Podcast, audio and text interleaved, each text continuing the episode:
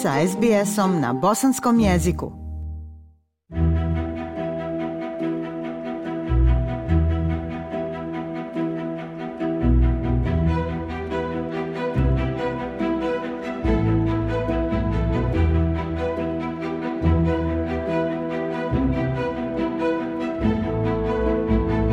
Slušate program SBS radija na Bosanskom. Alkohol igra centralnu ulogu u društvenom životu mnogih ljudi u Australiji. Pijenje alkohola je sastavni dio kulture u ovoj zemlji. Međutim, ljudi koji imaju poremećaj konzumiranja alkohola piju prekomjerno, ugrožavajući i sebe i druge.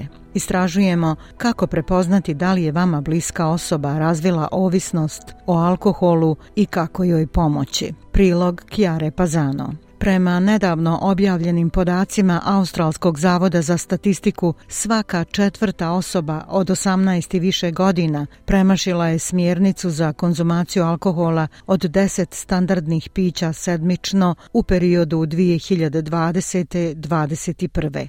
U kom trenutku alkohol postaje problem? I kako prepoznati da li bliska osoba pati od alkoholizma, koji je hronična bolest? Helen Gillis, izvršna direktorica mreže koja podržava porodice i prijatelje alkoholičara, Al Anon Family Groups Australia pokušava dati odgovor na ova pitanja.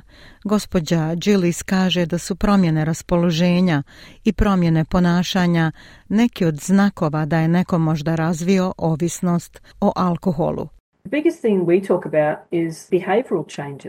Najveća stvar o kojoj pričamo su promjene ponašanja koje se mogu razlikovati od osobe do osobe, očigledno, um, ali ljudi često postaju fizički drugačiji.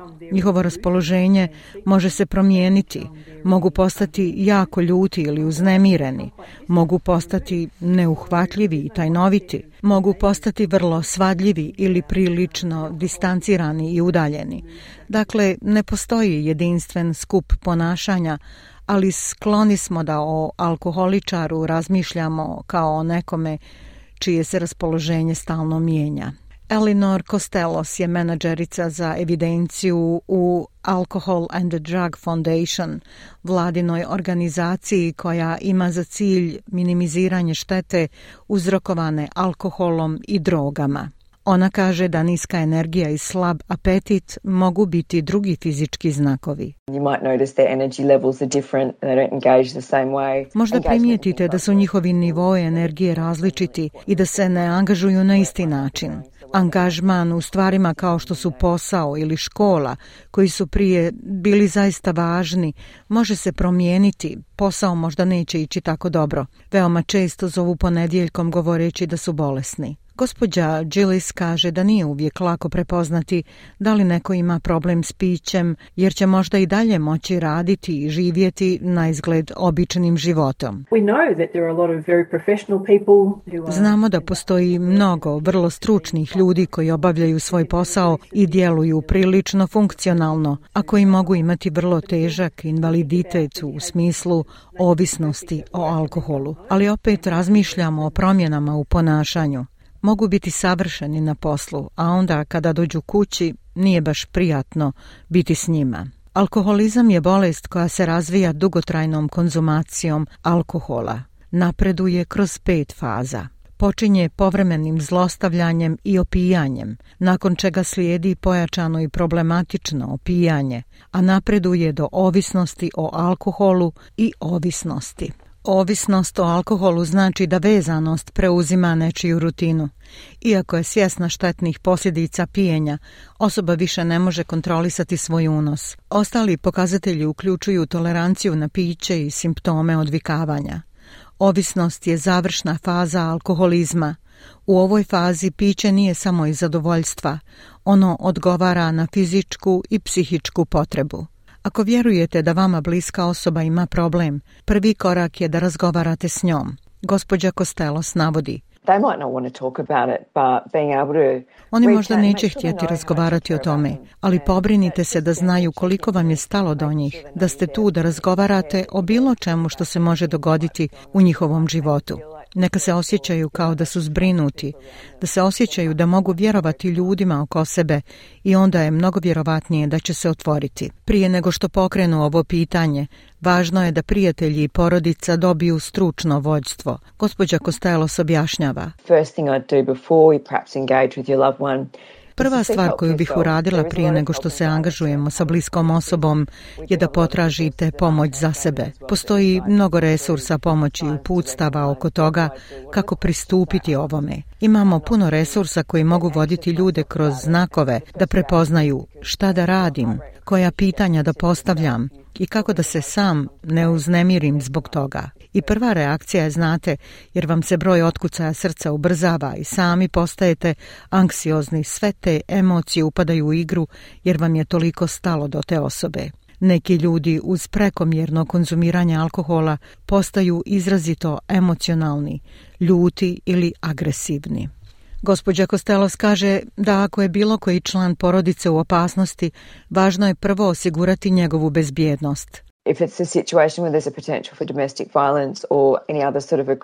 Ako je u pitanju situacija u kojoj postoji potencijal za nasilje u porodici ili bilo koja druga vrsta agresije, prva stvar koju treba učiniti je da se maknete iz situacije ako možete. Ako ste u neposrednoj opasnosti, uvijek pozovite tri nule. Stigma može biti prepreka. Ne želim zvati policiju ili hitnu pomoć zbog sramote. Ne želim da znaju da se nešto dešava, ali uglavnom oni su tu da se prvo pobrinu za tebe. Gospođa Džilis kaže da je dobra ideja držati spremne ključeve automobila i novčanik u slučaju da situacija eskalira.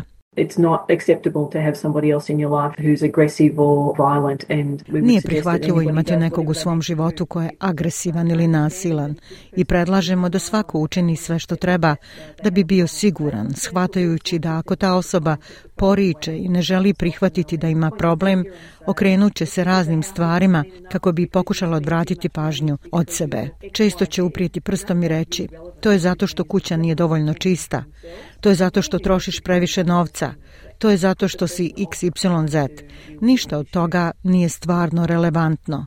Sve što oni rade je odvraćanje pažnje sa sebe i agresivnost može biti jedna od onih stvari koje mogu odvratiti osobu od pokušaja da se pozabavi pravim problemom.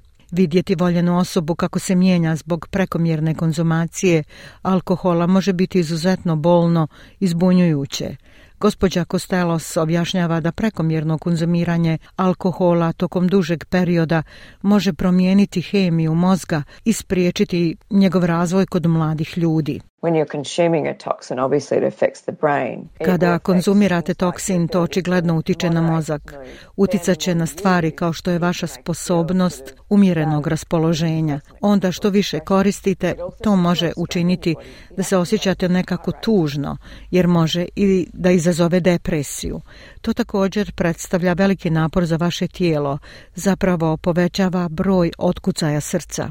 Alkoholizam je progresivna bolest pa se pogoršava ako se ljudi ne liječe. Gospođa Gillis nastavlja.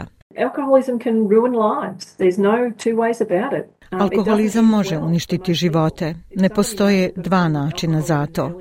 Ne završava se dobro za većinu ljudi. Ako neko zna da ima problem s alkoholom u ranoj fazi i uradi nešto po tom pitanju, onda je to najbolji mogući scenario, ali to je nažalost progresivna bolest. Svaki put kada alkoholičar uzme piće, postaje još gore.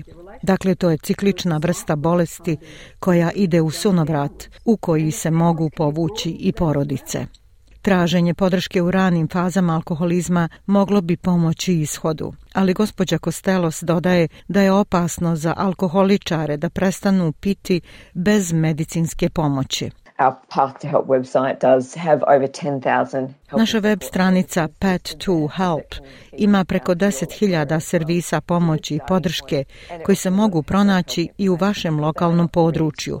Dakle, to je dobra polazna tačka. I također ima puno informacija za samo pomoć, jer mnogi nisu spremni da razgovaraju, ali bi mogli biti spremni da pogledaju neke od stvari s kojima bi mogli početi, a to su te početne odskočne daske za dobijanje pomoći i podrške. Gospođa Gillis kaže da je važno da porodice traže stručnu pomoć i za sebe. To također može potaknuti ovisnika da nastavi liječenje.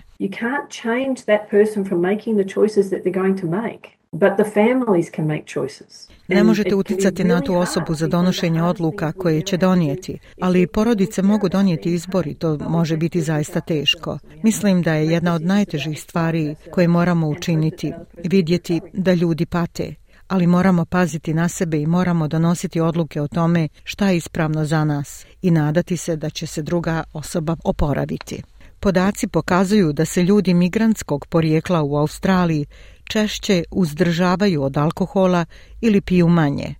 Više od polovine ljudi koji su govorili drugi jezik osim engleskog bili su abstinenti ili bivši alkoholičari u poređenju sa 19,2% primarnih govornika engleskog jezika. Pomoć je dostupna na nekoliko jezika na web stranici Fondacije za alkohol i droge. Ako vam je potrebna pomoć, možete pozvati sljedeće službe Al-Anon za savjetovanje 1300 252 666.